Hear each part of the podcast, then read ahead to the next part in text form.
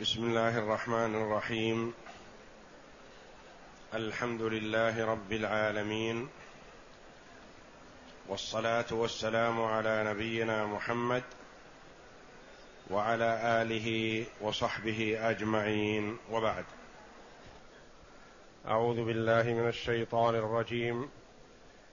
ولقد آتينا موسى الكتاب وجعلنا معه أخاه هارون وزيرا. فقلنا اذهبا إلى القوم الذين كذبوا بآياتنا فدمرناهم تدميرا. وقوم نوح لما كذبوا الرسل أغرقناهم وجعلناهم للناس آية وأعتدنا للظالمين عذابا أليما. وعادا وثمودا وأصحاب الرس وقرونا بين ذلك كثيرا. وكلا ضربنا له الأمثال وكلا تبرنا تتبيرا ولقد أتوا على القرية التي أمطرت مطر السوء أفلم يكونوا يرونها بل كانوا لا يرجون نشورا وإذا رأوك إن يتخذونك إلا هزوا أهذا الذي بعث الله رسولا إن كاد ليضلنا عن آلهتنا لولا أن صبرنا عليها وسوف يعلمون حين يرون العذاب من أضل سبيلا. أرأيت من اتخذ إلهه هواه؟ أفأنت تكون عليه وكيلا؟ أم تحسب أن أكثرهم يسمعون أو يعقلون؟ ان هم إلا كالأنعام بل هم أضل سبيلا. في هذه الآيات العظيمة تسلية للنبي صلى الله عليه وسلم بأنك لست وحدك المكذب من قومك وإنما هذه طريقة الكفار مع الرسل صلوات الله وسلامه عليهم أجمعين. وفي هذا نذارة لكفار قريش وسائر العرب بأنهم إن لم يؤمنوا بمحمد صلى الله عليه وسلم أتاهم ما أتى الأمم قبلهم من العذاب وأن لهم سلف في التكذيب وإنزال العذاب بمن كذب وأنهم سيقع بهم مثل ما وقع بمن قبلهم ممن على شاكلتهم. ففي الآيات تسلية للنبي صلى الله عليه وسلم وتطمينا للمؤمنين وتخويفا للكفار. يقول الله جل وعلا ولقد آتينا موسى الكتاب وجعلنا معه أخاه هارون وزيرا.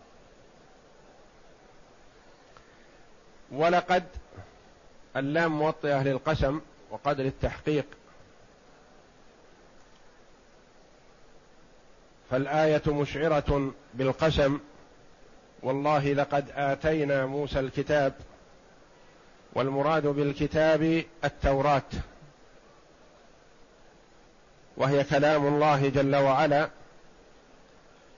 نزل على موسى عليه الصلاة والسلام تكلم الله جل وعلا بها كما تكلم في القرآن والإنجيل والزبور فكلها كلام الله جل وعلا ووحيه إلى رسله ولكن التوراة لم يكتب الله جل وعلا لها البقاء فحرفها اليهود فزادوا فيها ونقصوا بعد موسى عليه الصلاة والسلام. لأن الله جل وعلا لم يتكفل بحفظها وإنما عهد بحفظها إليهم فضيعوا. بخلاف القرآن فالله جل وعلا تكفل بحفظه ولم يكل حفظه إلى غيره كما قال الله جل وعلا إنا نحن نزلنا الذكر وإنا له لحافظون. وفي التوراة قال بما استحفظوا من كتاب الله فهم استحفظوا عليها فلم يحفظوها. ولقد آتينا موسى الكتاب وجعلنا معه أخاه هارون وزيرا. فهارون عليه السلام رسول نبي مع موسى ووزير له يعني معينا ومساعدا ومعاونا.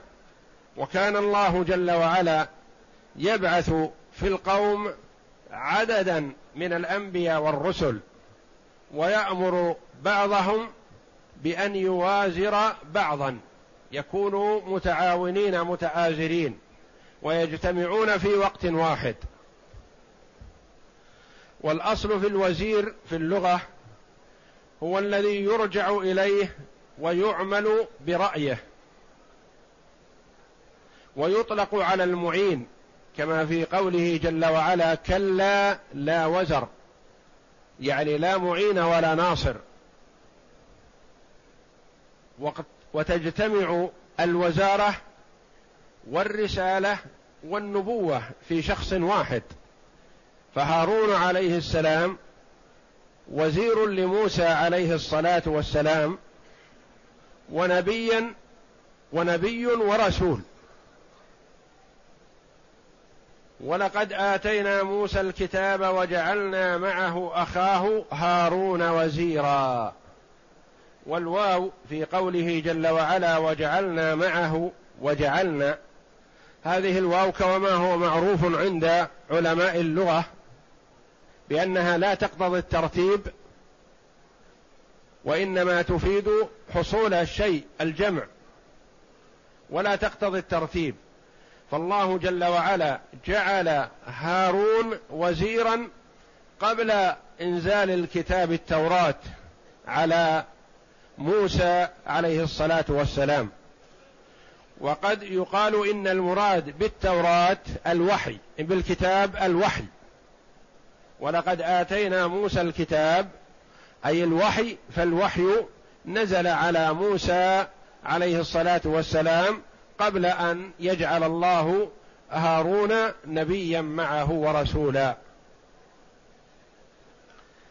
وجعلنا معه أخاه هارون وزيرا. والإعراب جعلنا أخاه المفعول الأول ووزيرا المفعول الثاني. وهارون عطف بيان أي مبين للمراد بالأخ في قوله أخاه. فقلنا اذهبا إلى القوم الذين كذبوا بآياتنا. فقلنا اذهبا. أمر الله جل وعلا موسى وهارون عليهم الصلاة والسلام بأن يذهبا إلى فرعون وقومه من القبط أهل مصر. فقلنا اذهبا إلى القوم الذين كذبوا بآياتنا. كذبوا فعل ماضي.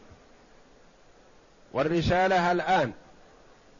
قلنا اذهبا إلى القوم الذين كذبوا. فالله جل وعلا كثيرا ما يخبر يأتي بالماضي بدل المضارع لأن الله جل وعلا المستقبل والحاضر والماضي عنده سواء. في العلم. يعلم جل وعلا أنهم سيكذبون. حال الذهاب لم يحصل منهم تكذيب وإنما الله جل وعلا يعلم أنهم سيكذبون. فقلنا اذهبا إلى القوم الذين كذبوا بآياتنا. والمراد بآيات الله جل وعلا الآيات الدالة على توحيده سبحانه وتعالى وأنه هو المستحق للعبادة وأن موسى وهارون أرسلا من قبل الله جل وعلا بما معهما من الآيات الدالة على ذلك والبراهين والمعجزات. الذين كذبوا بآياتنا قال الله جل وعلا فدمرناهم تدميرا قال المفسرون رحمهم الله هنا إضمار محذوف مضمر يدل عليه السياق. أي فذهبا إليهم فكذبوهم فدمرناهم تدميرا. فلما كذبوا دمروا ولم يدمروا قبل التكذيب.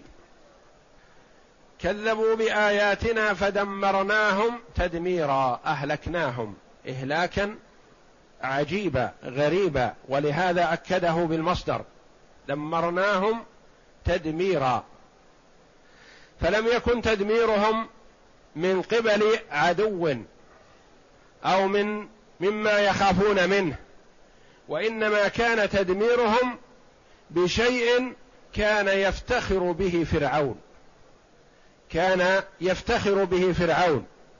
ورد ذلك في آيات من القرآن وهي قوله جل وعلا وهذه الأنهار تجري من تحتي أفلا تبصرون؟ جعل الله جل وعلا إهلاكه بالماء الذي كان يفتخر به ويتعاظم. والنهر يجري بأمر الله جل وعلا لا بفعله. فعل فرعون.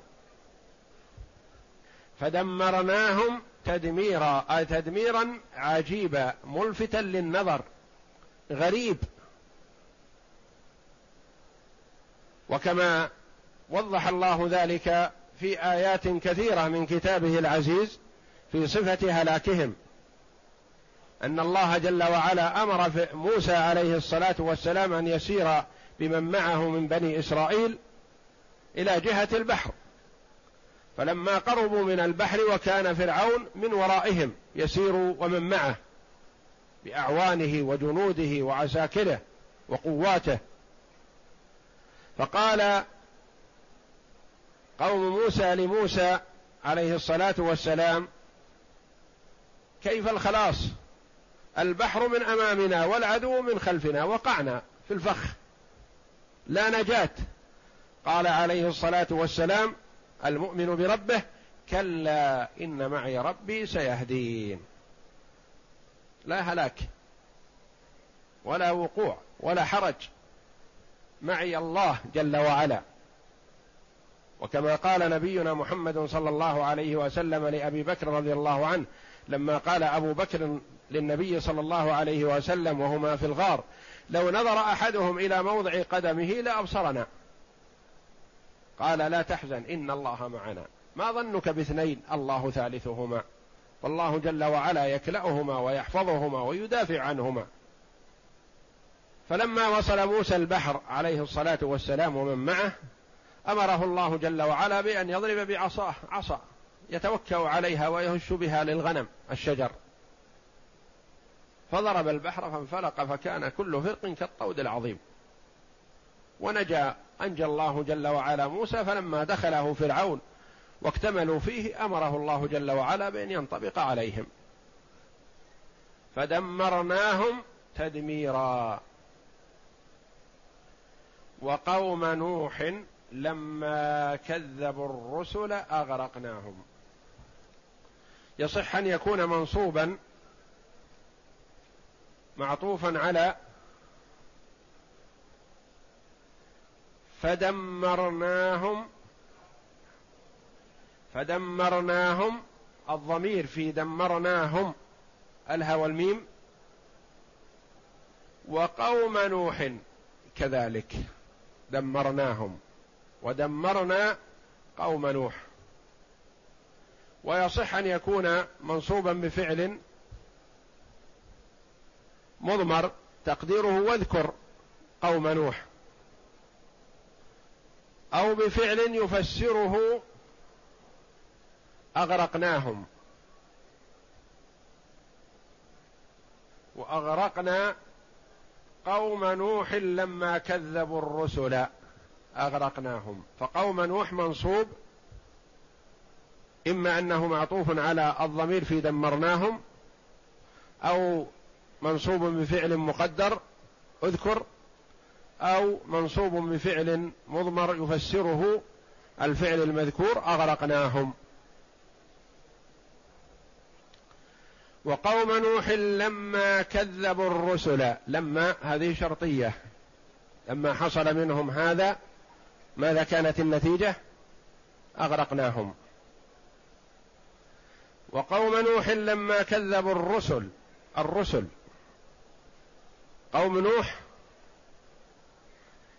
ما جاءهم إلا نوح عليه الصلاة والسلام رسول واحد. وجمع جل وعلا لفظ الرسل. فلما قيل لكثرة ما مكث نوح عليه السلام يدعو قومه فكأنه مجموعة رسل. وليس برسول واحد. لأنه مكث في قومه يدعوهم ألف سنة إلا خمسين عاما كما ذكر الله. تسعمائة وخمسون سنة يدعو. هذا عمر الدعوة. إلى أن أغرقوا. وعمره قبل ذلك وعمره بعد أن نجاه الله ومن معه في السفينة. فيقال إن عمر نوح عليه السلام ألف وثلاثمائة سنة. وقيل أقل وقيل أكثر. لكن مكثه في دعوة قومه يدعوهم إلى توحيد الله جل وعلا ألف سنة إلا خمسين عاما هذا بنص القرآن. ومع ذلك لم يؤمن معه إلا من حمل في السفينة. سفينة مهما عظمت فالعدد قليل. لما كذبوا الرسل وقيل المراد بقوله جل وعلا لما كذبوا الرسل المراد عموم الرسل صلوات الله وسلامه عليهم أجمعين. لأن من كذب رسولا فقد كذب الرسل كلهم. لأن دعوة الرسل واحدة وهي التوحيد. الدعوة إلى توحيد الله جل وعلا. وإن اختلفت الشرائع. فأهم المهمات والاساسي والركن الأعظم والغرض من إرسال الرسل وإنزال الكتب هو توحيد الله جل وعلا. وجميع الرسل من أولهم إلى آخرهم كلهم يدعون إلى توحيد الله. فمن أخل بتوحيد الله جل وعلا ففيه نقص في الإجابة بحسب إخلاله. ومن أشرك بالله فقد رد دعوة جميع الرسل صلوات الله وسلامه عليهم أجمعين. وتوحيد الله جل وعلا هو إفراده بالعبادة. فلا يلتفت إلى غيره. في جلب نفع ولا في دفع ضر. وهو الغرض من خلق الخلق الجن والإنس. كما قال الله جل وعلا وما خلقت الجن والإنس إلا ليعبدون ما أريد منهم من رزق وما أريد أن يطعمون إن الله هو الرزاق ذو القوة المتين. ومع الأسف الشديد ومع انتشار العلم وكثرته وفشوه وهذه نعمة لكن تجد كثيرا من الناس مقصرون في التوحيد. ومنهم من هو عادم له بالكلية وهو يزعم أنه مسلم. ومن الناس من فيه نقص بحسب حاله. فمن توجه إلى غير الله جل وعلا من ملك مقرب أو نبي مرسل أو صالح من الصلحاء أو شقي من الأشقياء يطلب منه النفع أو كشف الضر وهو غائب أو ميت فقد أشرك بالله وحبط عمله كله.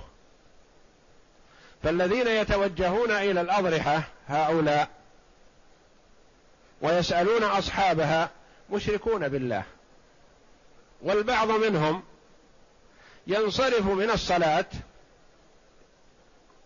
صلاة الظهر أو العصر أو المغرب أو العشاء أو الفجر ويحمد الله ويسبحه ثم يتوجه إلى الضريح الموجود في ناحية من نواحي المسجد ويسأل صاحب الضريح ما يريد من حاجة.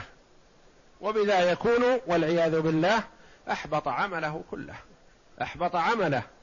لأن الله جل وعلا لا يقبل من العمل إلا ما كان خالصا لوجهه وصوابا على سنة رسوله صلى الله عليه وسلم. فما كان لغيره لا يقبله. وإذا عمل العمل وإذا عمل العبد العمل لله تعالى كأن يصلي لله. لكن يقوم ثم يتوجه إلى صاحب القبر أو الضريح أو الولي أو المشهد أو ما يسمى على حسب ما يسمى يسأله أحبط العمل السابق كله. إن تاب وأناب تاب الله عليه.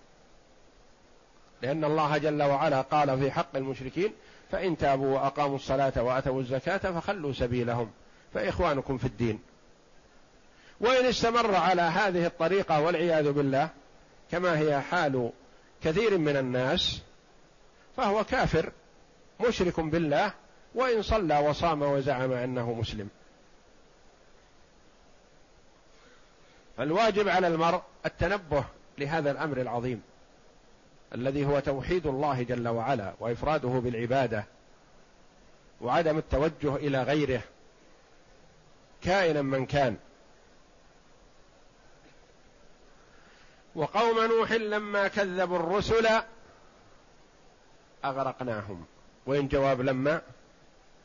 أغرقناهم. أتى جل وعلا بخلاصة ما حصل؟ وقد قص الله جل وعلا في آيات كثيرة ما حصل من نوح عليه السلام مع قومه وما حصل منهم من أذى له. لكن في هذه الآيات العظيمة أتى بأول شيء وبخاتمته. بالهدف الأساسي والنتيجة. لما كذبوا اغرقوا وفهم من ذلك أن من كذب رسولا من الرسل فقد كذب الرسل كلهم لأن دعوتهم واحدة. وقوم نوح لما كذبوا الرسل أغرقناهم وجعلناهم للناس آية علامة وعظة وعبرة. وفي قصة نوح مع قومه عليه الصلاة والسلام عظات وعبر عظيمة. فنوح عليه السلام أخذ يصنع السفينة وهو في مكان صحراوي وليس حوله بحر. أمره الله جل وعلا فأخذ يصنعها سنين عديدة. ثم لما أنزل الله الهلاك على القوم المستحقين للهلاك صارت السفينة هي مأوى المؤمنين. فأمر الله جل وعلا السماء أن تمطر والأرض أن تنبع بالماء. فالتقى ماء السماء مع ماء الأرض حتى صارت الأرض كلها بحرا واحدا. وركب نوح السفينة عليه الصلاة والسلام ومن معه من المؤمنين. وما يحتاجون إليه وما يريد الله بقاءه من الحيوانات. وكما قال الله جل وعلا وهي تجري بهم في موج كالجبال ونادى نوح ابنه وكان في معزل يا بني اركب معنا ولا تكن مع الكافرين. يدعو نوح عليه السلام ابنه ابنه ابنه كفر به والعياذ بالله. والابن الشقي يرى الهلاك بعينيه ويقول سآوي إلى جبل يعصمني من الماء لا تخف علي. فقال لا عاصم اليوم من أمر الله إلا من رحم. لا أحد يعصم من أمر الله إلا من آمن. ورحمه الله جل وعلا بالركوب في السفينة. وإلا فلا جبل ولا شجر ولا حجر ولا شيء ينجي من عذاب الله. وكما قص الله جل وعلا في آيات أخر عن امرأة نوح كذلك أنها ممن كفر به. وقوم نوح لما كذبوا الرسل أغرقناهم وجعلناهم للناس آية. جعلناهم للناس آية عبرة وعظة تأنيسا للمؤمنين وتبشيرا لهم بأن الله ينجيهم من المخاوف والمهالك وهو جل وعلا يكلأهم بحفظه ويرعاهم بعينه التي لا تنام وتخويفا ووعيدا شديدا للكافرين الظالمين بأنه لا أحد ينجو من عذاب الله إذا أراده الله جل وعلا وأرسله على القوم وجعلناهم للناس آية لكل من أتى بعدهم عظة وعبرة يعتبرون بذلك ويتعظون. ويستفيد من أراد الله جل وعلا له التوفيق وتقوم الحجة على من لم يرد الله هدايته. فيكون قد أنذر وبلغ وخوف فلم يستفد شيئا. وجعلناهم للناس آية وأعتدنا للظالمين عذابا اليما. لهؤلاء ولكل من كان على شاكلتهم. فالعذاب ليس لهؤلاء فقط وإنما لكل ظالم. فيقول الله جل وعلا وأعتدنا أي هيأنا وأعددنا للظالمين عذابا اليما والمراد بالعذاب الأليم هنا عذاب الآخرة. لأن عذاب الدنيا مهما كبر فإنه ليس بشيء أمام عذاب الآخرة. موجودتان وأعتدنا للظالمين عذابا اليما. وعادا وثمودا وأصحاب الرس. وعادا وثمودا وأصحاب الرس وقرونا بين ذلك كثيرا. عاد هم قوم هود عليه السلام. وقد تقدم كثير من الآيات في ذكر قصتهم. وثمود قوم صالح عليه الصلاة والسلام. وكذلك تقدم الكلام عليهم. وفي وفي ثمود قراءتان سبعيتان. وعادا وثمودا بدون صرف. وعادا وثمودا بالصرف. الصرف إما إما لإتباع ثمود لعاد. يعني يصرف على نسقه للنسق. وإما لأن المراد به الأب. وعدم الصرف لأن المراد به القبيلة والأمة. والعطف على قوم نوح وعادا وثمود وقوم نوح لما كذبوا الرسل مثل ما قيل في قوم نوح يقال في عاد وثمود. وعادا وثمود وأصحاب الرس. الرس في اللغة العربية البئر التي تكون غير مطوية. وقد يطلق الرس على واد من الأودية. وقد يطلق في اللغة العربية على الإصلاح بين الناس كما يطلق على الإفساد بين الناس. فهي من كلمة الأضداد التي تطلق على الضدين معا. وأصحاب الرس قيل هم قوم كذبوا نبيهم وقتلوه ودفنوه في رس عندهم يعني في بئر. وقيل هم أصحاب ياسين الرجل الصالح الذي دعا قومه إلى الإيمان بالله ومتابعة الرسل فقتله قومه. الذين ذكر الله جل وعلا قصتهم في سورة ياسين. وقيل هم جماعة من ثمود فرقة منهم. وقيل غير ذلك.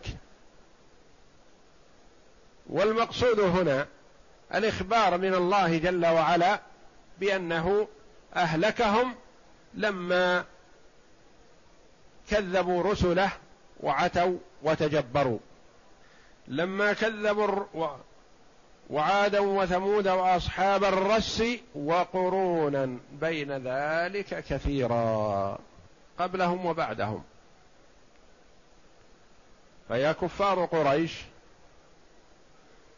اعتبروا بمن أهلك الله جل وعلا من الأمم السابقة لا يصيبكم ما أصابهم وقرونا بين ذلك قبل هؤلاء وبعد هؤلاء وفيما بينهم. كثيرا والقرن قيل هو مدة 120 سنة.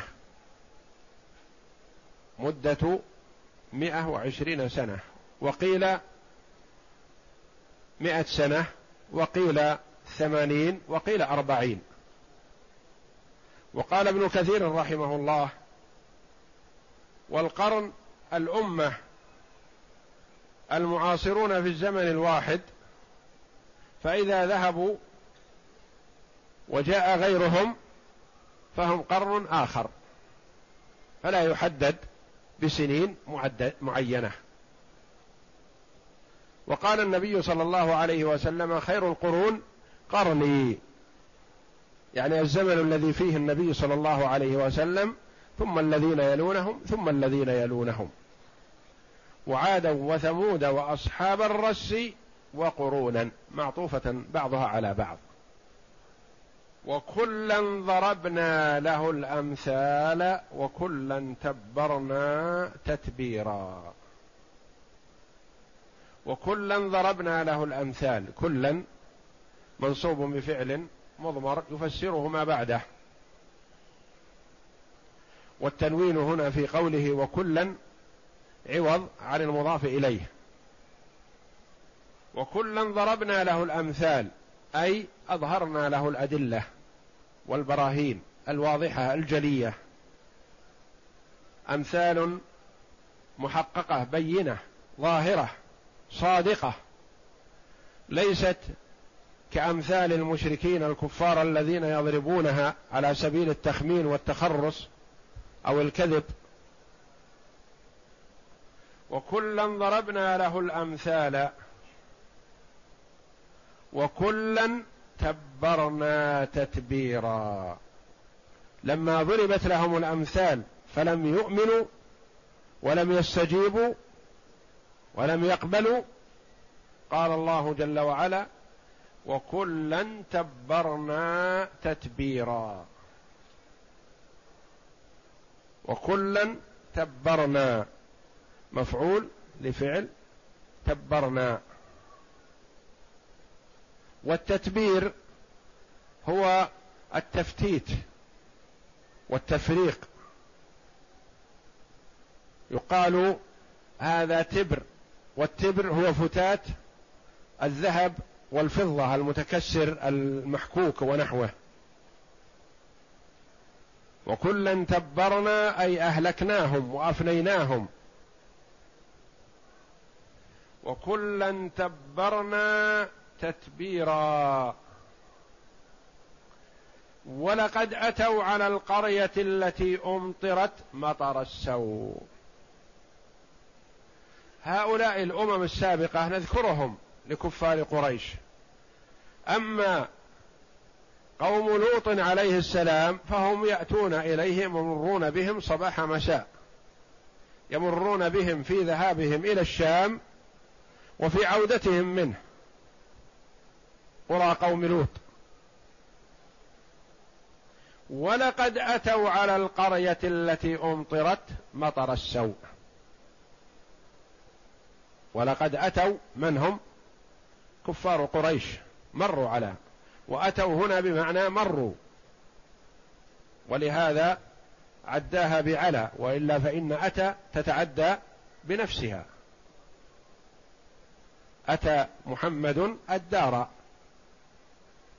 لكن قال هنا ولقد أتوا على القرية. ولم يقل أتوا القرية لأن أتى ضمنها معنى مضمنة معنى مروا يمرون عليها. ولقد أتوا على القرية التي أمطرت مطر السوء. المطر مطر السوء ما هو؟ حجارة تنزل عليهم من السماء. وذلك أن الله جل وعلا أمر جبريل عليه السلام بأن يقتلع قرى قوم لوط فاقترعها بطرف جناحه ورفعها إلى السماء حتى سمعت الملائكة صياح ديكتهم ونباح كلابهم. ثم قلبها ثم أتبعها الله جل وعلا بالحجارة. فمطر السوء حجارة من السماء نزلت عليهم. لما فعلوا الفعلة الشنيعة التي لم يسبقهم بها أحد من العالمين وهي إتيان الرجال دون النساء.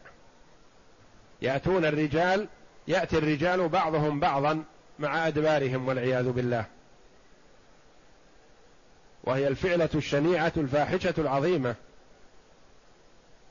ولقد أتوا على القرية والمراد بالقرية هنا ألف القرية يصح أن يكون مراد بها الجنس لتشمل قرى قوم لوط كلها أو يراد بها التعريف والمراد بها كبرى القرى وهي سدوم. كبراها. ولقد أتوا على القرية التي أمطرت مطر السوء أي المطر العذاب مطر سوء وليس مطر رحمة ونبات وإنما هو مطر حجارة من السماء تنزل عليهم فاهلكتهم ولقد أتوا على القرية التي أمطرت مطر السوء أفلم يكونوا يرونها؟ يمرون بها ويشاهدونها.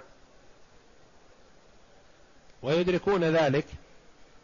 بل كانوا لا يرجون نشورا. بل كانوا لا يرجون نشورا. أفلم يكونوا يرونها؟ بل رأوها وشاهدوها وعلموا ذلك. لكن تكذيب كفار قريش حصل بسبب كونهم ينكرون البعث والبعث محقق لا شك فيه. هم لا ينكرون هذه القرية ولا ينكرون العذاب الذي حصل لأنهم شاهدوه. ولكن الحقيقة والواقع أنهم كانوا لا يؤمنون بالبعث لا يخافون القيامة. يظنون أنه مهما أتاهم من العذاب فإنه ينتهي. يهلكون وينتهون.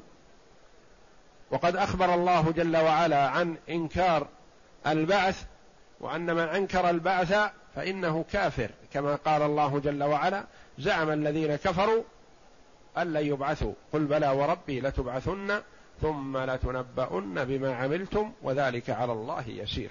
فمن يتمادى في غيه ويكفر بالله جل وعلا فهو منكر للبعث لأنه علم أنه سيبعث ويحاسب ويسأل عما صدر منه لارتدع. ولكن بسبب إنكاره للبعث تمادى فيما تمادى فيه من الغي. بل كانوا لا يرجون نشورا لا يؤمنون بالبعث ولا يخافون القيامة والنشور البعث. ثم أخبر الله جل وعلا عن حالهم. وما هم متصفون فيه من الإجرام كفار قريش غير ما ذكر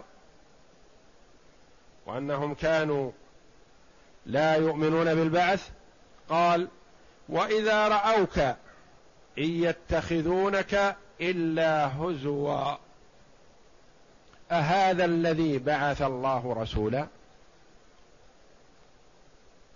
وإذا رأوك إذا رأى الكفار النبي صلى الله عليه وسلم ما عندهم شيء نحوه إلا الاستهزاء في حصر. أن صفتهم مع النبي صلى الله عليه وسلم الاستهزاء والسخرية.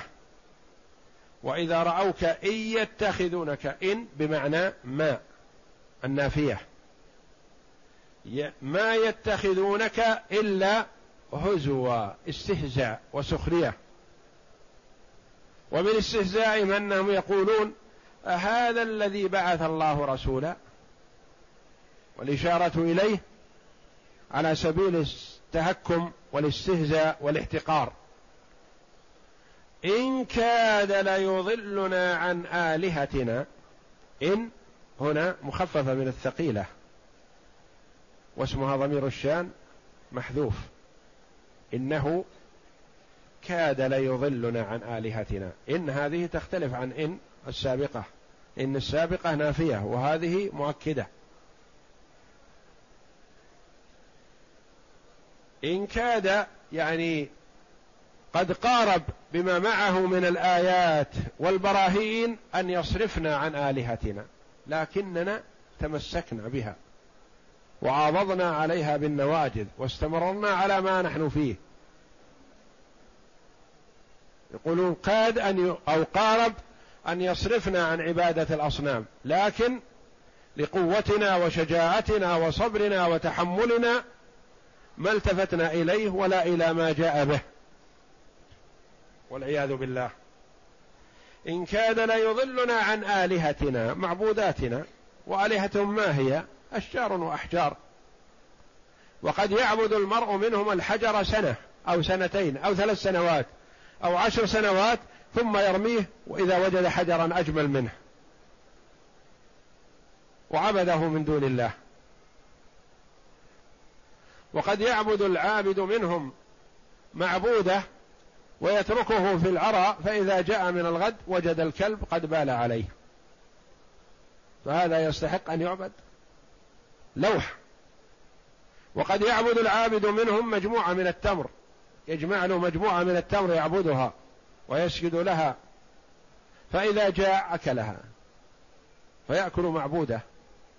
إن كان ليضلنا عن آلهتنا لولا أن صبرنا عليها. يعني تحملنا وكنا أقوياء وأشداء في صبرنا على هذه الآلهة.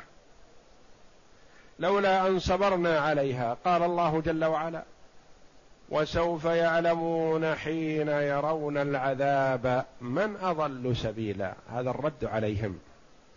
هم يقولون إن كاد ليضلنا. الضلال ينسبونه إلى النبي صلى الله عليه وسلم. يضلهم بأن يصرفهم عن عبادة الآلهة إلى عبادة الله وحده. فقال الله جل وعلا فسوف يعلمون متى حين يرون العذاب يوم القيامة. من أضل سبيلا أهم أضل سبيلا أم محمد صلى الله عليه وسلم ومن آمن به؟ فسوف يعلمون علم اليقين ويرون ذلك حال رؤية العذاب. من أضل سبيلا هذا رد عليهم في قولهم إن كاد ليضلنا. يعني الضلال ليس مع محمد صلى الله عليه وسلم وإنما الضلال عندكم. أنتم الضلال ومحمد على الهدى. ثم قال الله جل وعلا معجبا للنبي صلى الله عليه وسلم. أرأيت من اتخذ إلهه هواه؟ إذا كان المرء يعبد هواه وليس المراد أنه يسجد ويصلي لهواه وإنما يميل مع هواه حيث مال. والمؤمن يميل مع الكتاب والسنة ويعصو هواه يعصي الهوى ويتبع الكتاب والسنة. الله جل وعلا يقول كذا لكن النفس تميل إلى خلافه لا نتبع الكتاب. الرسول صلى الله عليه وسلم يأمر كذا لكن النفس لا تتوجه إليه إلا بإلزام وقوة يلزم نفسه بأن تتوجه إلى امتثال أمر الله وأمر رسوله صلى الله عليه وسلم ويعصي الهوى. فالسعادة في عصيان الهوى. أرأيت من اتخذ إلهه هواه؟ يعني كلما هوت نفسه توجه.